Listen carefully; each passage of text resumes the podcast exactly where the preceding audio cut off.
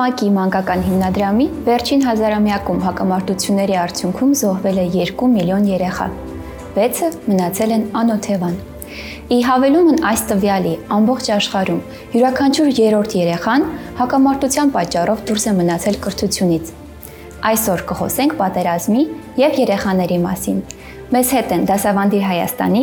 ուսումնական ծրագրերի նախագծման ղեկավար Զինա Ղուկասյանը եւ հոգեբան դասընթացավար Լուսինե Աղաբեկյանը։ Լուսինե, երբ դիտարկում ես, ուսումնասիրում ես պատերազմը եւ իր հետևանքները թեման երեխաների կյանքում, տեսնում ես եզրույթներ, ելքեր, որոնք շատ տպավորիչ են, հա։ Ելքերից մեկը այն է, որ պատերազմի արդյունքում առաջինը երեխան կորցնում է վստահություն մեծահասակների նկատմամբ։ Եթե դիտարկում ենք այս թեման ընդհանուր, ինչ մեծ հետևանքներ պատերազմը կարող է թողնել երեխայի կյանքում ու արդեն երեխայի որպես հասուն մարդ ձևավորման գործընթացում։ Ահա Սոնա ջան, շատ հետաքրքիր միտք նշեցիք, որ երեխան կորցնում է վստահությունը մեծահասակների հանդեպ։ Ես կվերաձևակերպեի, որ երեխան կորցնում է վստահությունը աշխարհի հանդեպ, շատ հաճախ ընդունված է համարել, որ պատերազմի արդյունքում երեխայի մոտ խարխլվում է կյանքի նկատմամբ վստահության, կայունության զգացումը ու եթե միջև այդ միգուցե կար ընկալում, որ աշխարհը ապահով ու լավ տեղ է, կարող է փոխվել ընկալման, որ աշխարհն այդքան էլ ապահով ու արդարացի չէ սա համոզմունքների մակարդակում տեղի ունեցող բավականին մեծ փոփոխություն է։ Բնականաբար կարող են լինել նաև ավելի փոքր վարքային ոլորտի հետ կապված փոփոխություններ, հուզական ոլորտի հետ կապված փոփոխություններ, սկսած տրամադրության տատանումներից մինչև տագնապներ, վախեր, անհանգստություններ եւ վարքային տարբեր դրսևորումներ, հա, սկսած նույն ագրեսիվ կամակոր վարքից մինչև անգամ կարող են լինել քնի հետ կապված խնդիրներ, մղձավանջեր անընդհատ, սարսափ երազներ եւ այլն։ Շատ-շատ են այս հետևանքները, բայց նաև կարծում եմ այստեղ շատ էական է, թե հատկապես ինչին է ականատես եղել երեխան, որովհետև նաև ամեն երեխայի փորձառությունը պատերազմական իրավիճակի հետ կապված բավականին տարբեր է, կախված նայից թե ինչ են տեսել, ինչ են լսել, երբ են օրինակ ժամանակավորապես տեղափոխվել կամ միգուցե եղել են ապաստարանում, այս գործոններից եւս շատ կախված է այդ ազդեցությունը։ Ահա Շատ լավ։ Իսկ եթե դիտարկենք տեղեկատվության հա մակարդակով, այ դու Լուսինե ջան ասացիր, որ երեխաների փորձառությունները լինում են տարբեր, ապրոմակցումները լինում են տարբեր, հա։ Այսօր բոլորը խոսում են պատերազմի մասին, փողոցում խոսում են պատերազմի մասին, ընկերների հետ շփվում են պատերազմի մասին, անգամ ես նկատել եմ Բաքում խաղալիքները արդեն վերափոխվել են զենքի ու պատերազմական ապրանքների, հա։ Այդ դեպքում Արդյոք ճիշտ է երեխաների մասին ընդհանրապես խոսել պատերազմի մասին եւ եթե այո, ինչ խոսքեր նախընտրելի կլինի օգտագործել կամ կան արդյոք մեթոդներ, որը ծնողը ուսուցիչը լավ կլինի որպիսի կիրառի, որ այդ կոմունիկացիան հաղորդակցությունը պատերազմական իրավիճակի մասին մեղմացնի երեխայի համար։ Այո, դպրոցական հասակում արդեն ընդունված է համարել, որ կարևոր է խոսել երեխաների հետ, որովհետև որովհետև այս տարիքում անխուսափելիորեն երեխան այդ ինֆորմացիայի հետ, տեղեկատվության հոսքերի հետ միևնույնն է շփվում է ու եթե մենք որպես մեծահասակ իր հետ չենք խոսում, ինքը այդ տեղեկատվության հետ մենակ է մնում եւ ինչպես կմարսի, ինչպես կընկալի, ինչ հետեւություններ կանի, մեզ համար բաց է մնում, մեր վերահսկողությունից դուրս է գալիս։ Անկամ ավելի փոքրիկների հետ ենք մենք խոսում, բայց հատկապես հա դպրոցական տարիքում արդեն անպայման կարիք կա այս թեմային անդրադառնալու, տալով ճշմարիտ ու հավաստի տեղեկատվություն։ Տեսեք, հաճախ մենք կարող ենք մտածել, որ եթե կեղծ ենք, եթե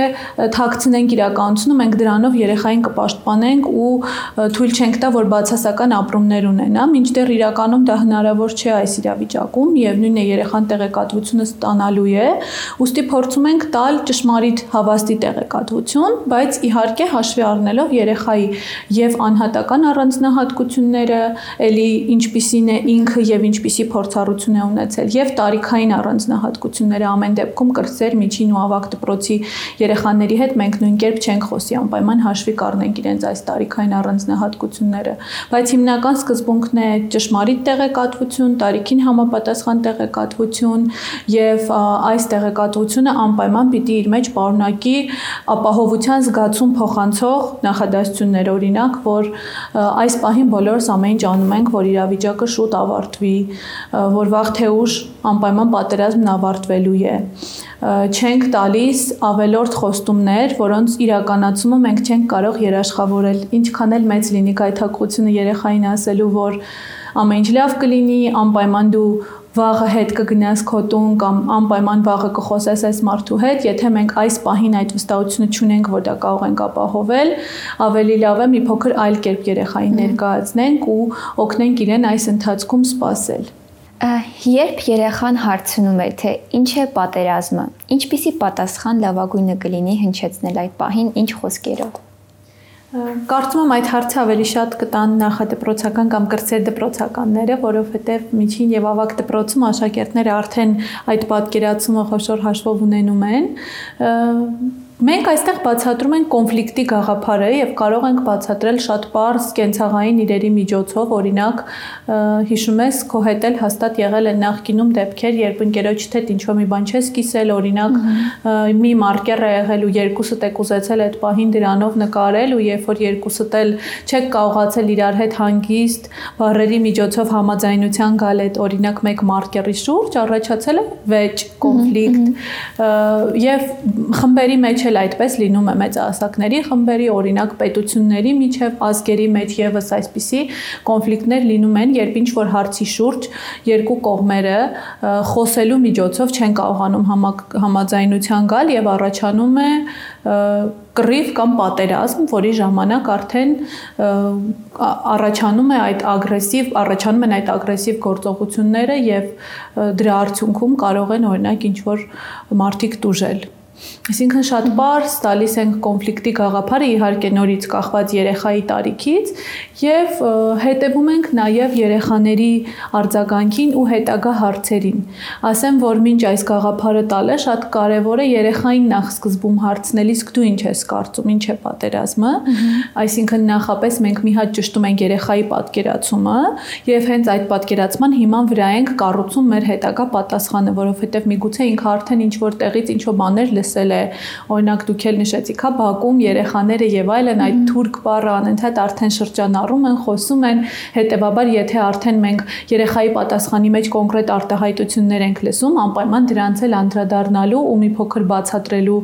կարիք կունենանք, այսինքն ճշտում ենք երեխայի պատկերացումը, տալիս ենք պատկերացում մեր կողմից եւ հետո անպայման հետևում ենք երեխայի արձագանքներին ու անդրադառնում ենք հաջորդող հարցերին։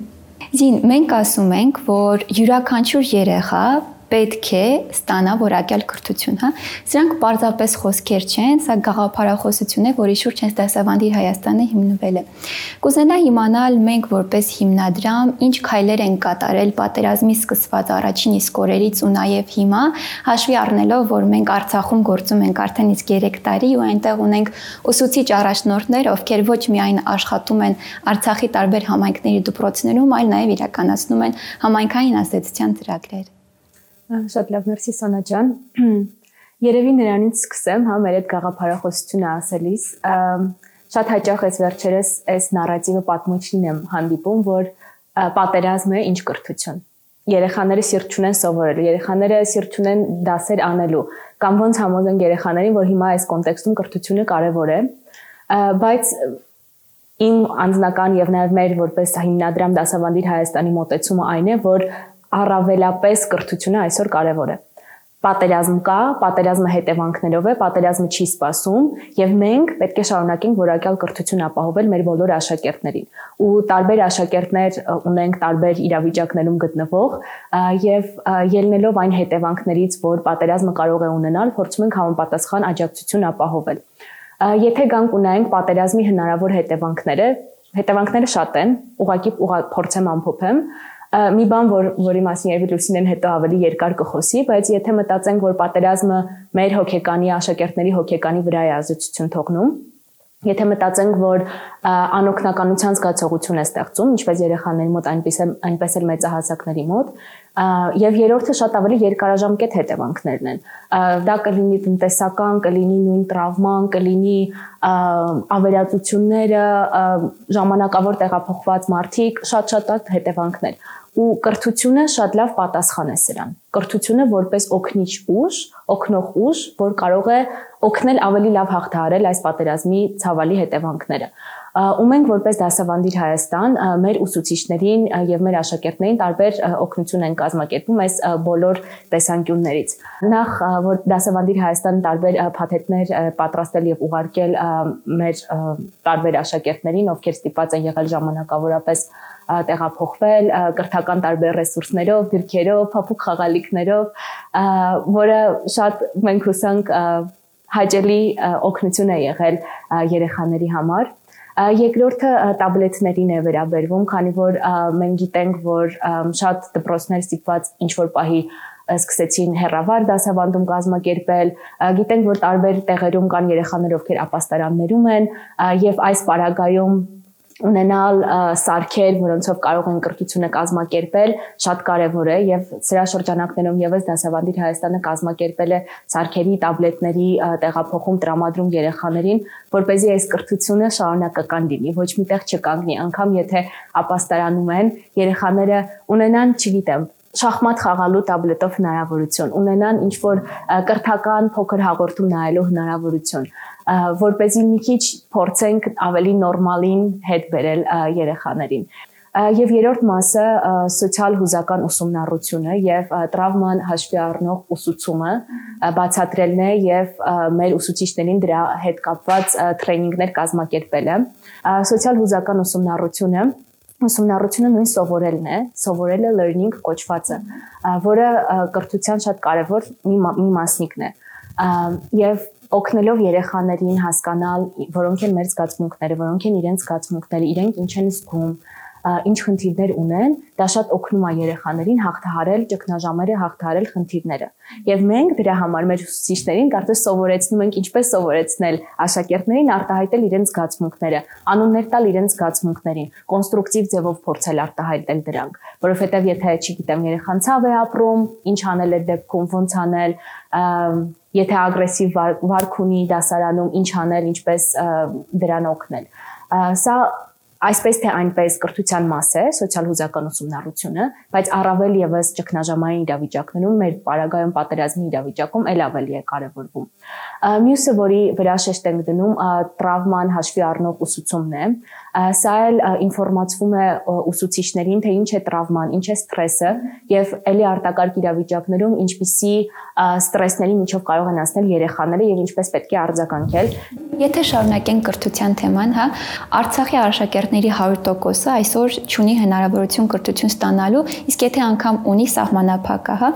հիմա երեխաները միգուցե ապրում են այնպիսի զգացմունքներ, որը երևի թե կյանքում չեն ապրել ու իրենց համար կրթությունը գնում է երկրորդական երրորդական տեղ։ Այ ինչպես երեխային փորձենք կարևորել կրթության կարևորությունը Զինան շատ արդարացիորեն հա նշեց, որ կրթությունը լավ կրթությունը, գերազանց կրթությունը կարծես նաև մեր պատասխանն է այս իրավիճակին։ Մի քիչ ավելի մասնավորեցնելով կուզեի նաև երեխայի դաշտ բերել ու նշել, որ նաև երեխայի մակարդակում սա շատ կարևոր հաղորդագրություն է իր մեջ պարունակում, որովհետև կրթության շարունակությունը սիմվոլիկ մակարդակում հա նաև ենթադրում է կյանքի շարունակություն ու երբ որ երեխան դպրոց է գնում, երբ որ շարունակում նշանակում է կրթվել, ինքը նաև ենթագիտակցական մակարդակում ստանում է այդ հաղորդագրությունը, որ իմ կյանքը շարունակվում է, թեկուզ մի քիչ ուրիշ տեղ, թեկուզ մի քիչ այլ պայմաններով, բայց քանի որ ես կրթվում եմ, իմ կյանքը շարունակվում է եւ կրթական process-ի մեջ ընդգրկվելը շատ օգտակար է երեխայի համար այս իրավիճակում, լարված ստրեսային իրավիճակում, էլի մենք կարող ենք մտածել, որ երեխան հիմա ծանր հուզական վիճակում է, ավելի լավ է այս պահին իրեն չծանրաբեռնել, բայց մյուս կողմից ճիշտ հակառակը մտնելով առօրյա ռեժիմի մեջ վերականգնելով շփումներ ունենալու հնարավորությունը, նոր բան սովորելու,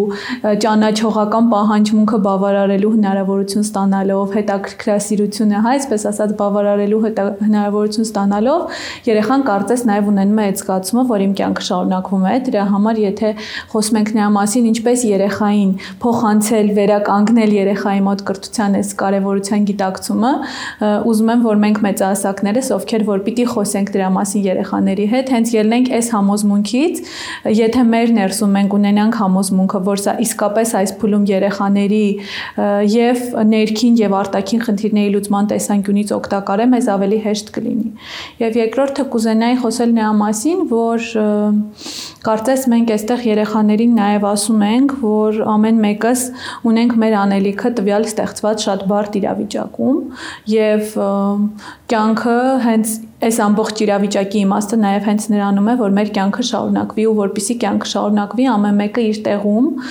իր դերը պետք է, հա, այսպես ասած կատարի,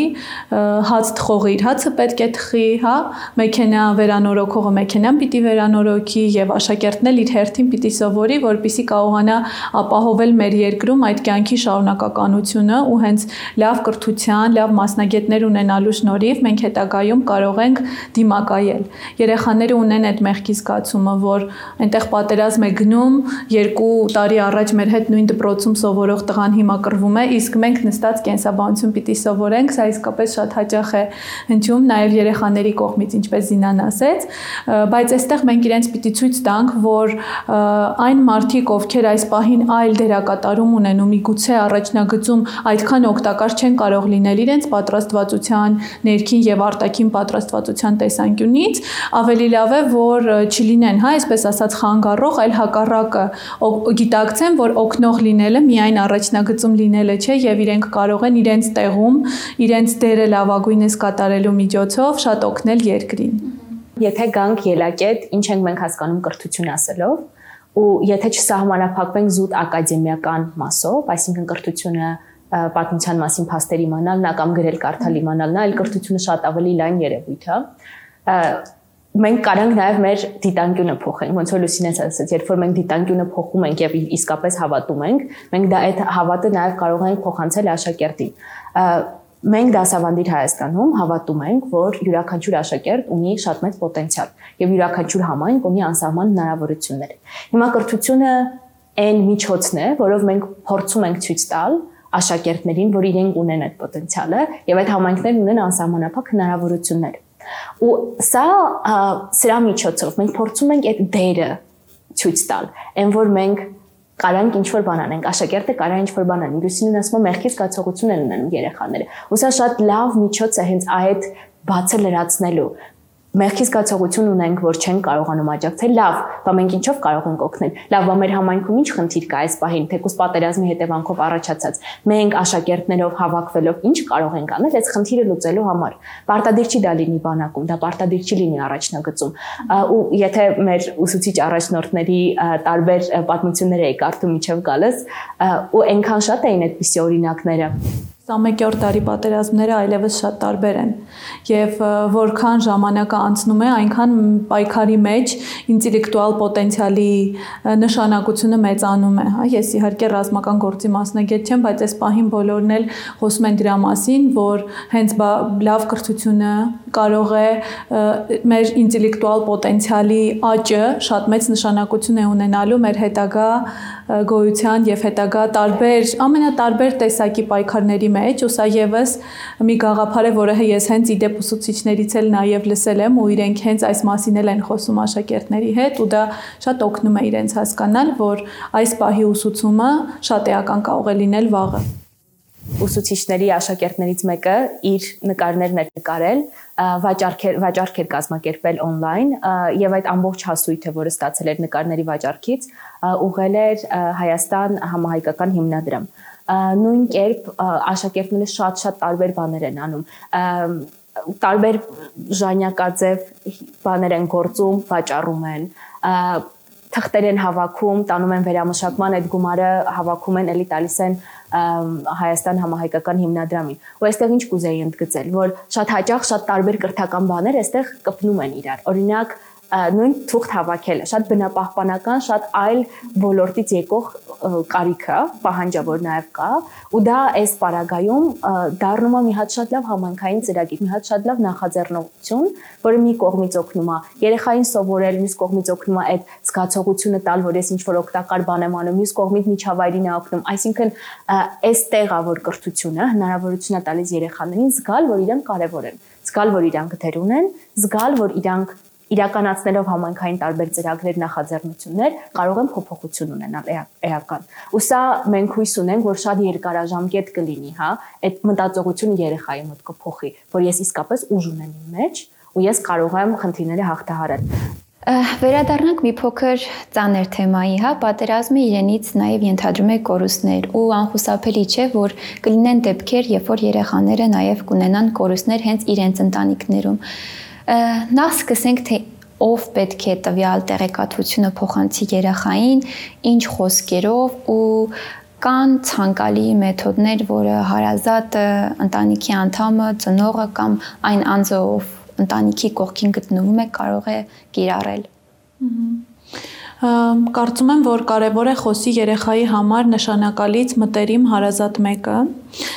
մի փոքր արհեստական կստացվի, եթե անծանոթ մեկը թեկուզ մասնագետ, բայց եթե չկա այդ կապը երեխայի հետ, այդ զրույցը այդքան արդյունավետ չի ստացվի,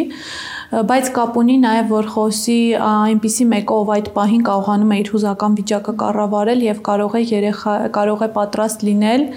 երեխայի տարբեր հուզական հակազդումներին, ընդ որում այդ հակազդումները նման լուր լսելու դեպքում շատ տարբեր կարող են լինել,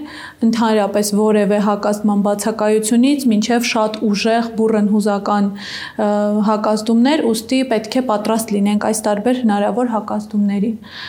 Խոսելիս նորից սկզբունքային է, որ դպրոցականների հետ խոսելիս մենք տալիս ենք ճշմարիտ տեղեկատվություն, չենք թաքցնում մտերիմի կորուստը, որովհետև այդ թաքցնելը հետո շատ ավելի բացասական հետևանքների է հանգեցնում, նույն վշտի ավելի բարթեցված ապրման, մտերիմների հետ հարաբերություններում վստահության զգացման, հա կորուստի, նույն այդ անօքնականության ու միայնակության զգացման ձևով, ուստի անպայման խոսում ենք երեխայի հետ եւ ասում ենք իրեն ճշմարտությունը, խուսափում ենք այսպես մոգական մտածողությանը բնորոշ արտահայտություններից, չենք համեմատում քնի հետ,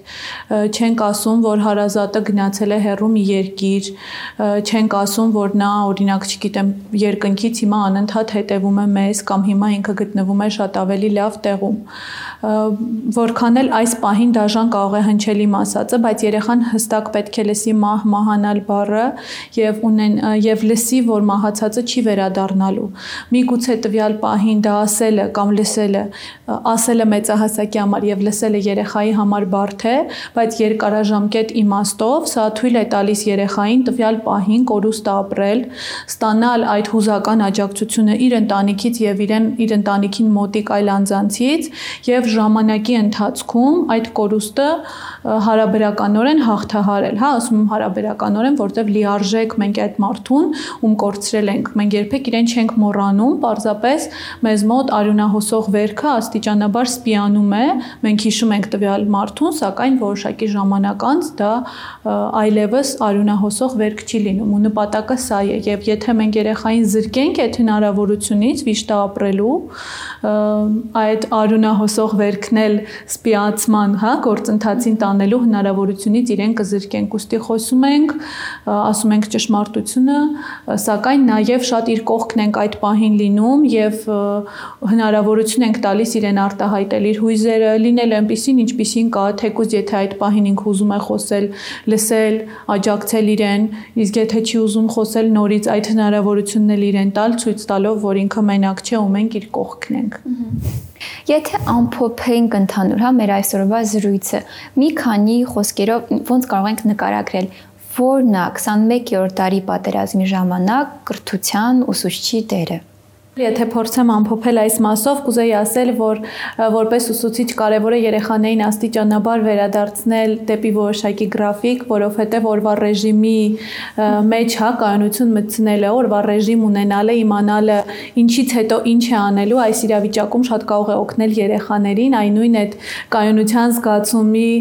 խախտման արդյունքում, երբ որ մենք երեխաներին հա տալիս ենք որոշակի իրար հաջորդող հստակ պլան գործողությունների, որոշակի ռեժիմ դա շատ իրենց օգնում է։ Այնուամենայնիվ չնայած ունենալով ռեժիմ, փորձում ենք նաև ունենալ որոշակի ճկունություն եւ որպես ուսուցիչ կարևոր է գիտակցել, որ այս պահին դասապրոցեսը պարզապես չի կարող ճիշտ նույն ձևով շարունակվել ինչպես նախկինում, քանի որ երեխաները հիմա շատ ավելի մեծ հուզական աջակցության կարիք ունեն հենց նաև ուսուցիչներից, ուստի կարևոր է դասապրոցեսի ընթացքում անպայման նաև մի փոքր հնարավորություն ստեղծել թեկուզ մի քանի րոպե, բայց հատկացնել նաև երեխաների հարցերին պատասխանելուն, հա ոչ ուսումնական հարցերին նկատի ունեմ իրավիճակի հետ կապված հարցերին պատասխանելու համար, երեխաների հույզերին անդրադառնալու համար, ոչ թե մերժելու այդ հույզերը, որ պետք չի տխրել, ամեն ինչ լավ կլինի,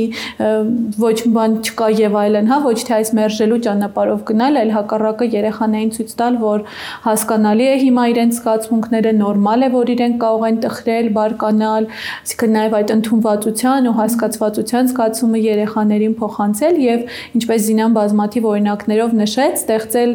որոշակի գործունեության տեսակներ, նկարել, խոսել, պատմել, հա, ստեղծագործել այլ տարբեր եղանակներ, որովհետեւ երեխաները այդ ամենը կարողանան արտահայտել նաև դասի ժամանակ եւ անպայման որպես ուսուցիչ թե երեխաների եւ ծնողների հետ նաև խոսել տեղեկատվական հիգիենայի, հա, կամ տեղեկատվական դիետա ասվածի մասին, որբիսի հստակ վերահսկողություն կարողանանք սահմանել, թե ինչ են նայում մեր երեխաները, ինչքան են նայում, օրվա որ ժամին են նայում, որովհետեւ այս տեղեկատվության հետ գործ ունենալը երեխաների համար շատ դժվար է եւ անպայման տալ այդ ապահովության զգացումը եւ մեր լավատեսությունը որպես մեծահասակ, որ ավարտվելու է ու այս պահին բոլորը դրա համար ամեն ինչ անում են։ Շատ շնորհակալ եմ Լուսինե ու Զինա, իրականում շատ հետաքրքիր մտքեր ասվեցին զրույցի ընթացքում ու ես ինձ մոտ գրի առա, որ որքան մեծանում են խնդիրները, այնքան նաեւ մեծանում են հնարավորությունները։ Վերջում կուզենայի շատ բարձ հաստալ, որը երևի գրեթե բոլորն են տալիս այս օրերին, ինչի կարիք ունեն ամենաշատը հիմա երեխաները ու ինչով մենք կարող ենք ամենաշատը իրենց օգնել։ Կարծում այս պահին մեր երեխաները ամենաշատը կարիք ունեն սիրո, աջակցության, ուշադրության իրենց հանդեպ նաև առանց այդ ուշադրությունը շատ պարտադրելու, այսինքն առանց ավելորդ կպչունության այնուամենայնիվ մեր ուշադրության կենտրոնում լինելու եւ ստանալու հուզական աջակցություն, ընդունված լինելու, լսված լինելու, հասկացված լինելու եւ ապահովության զգացում ունենալու։ Մարդկային ուղեղը մեծահասակների եւ երեխաների երեք հարց է տալիս իրեն, հետևյալ հաջորդականությամբ։ Արդյոք ես ապահով եմ։ Արդյոք ես սիրված եմ եւ նոր ես ինչ կարող եմ սովորել։ Հետևաբար մենք պետք է այս բոլոր երեք հարցերի պատասխանները այո անենք, ապահովենք մեր աշակերտների համար։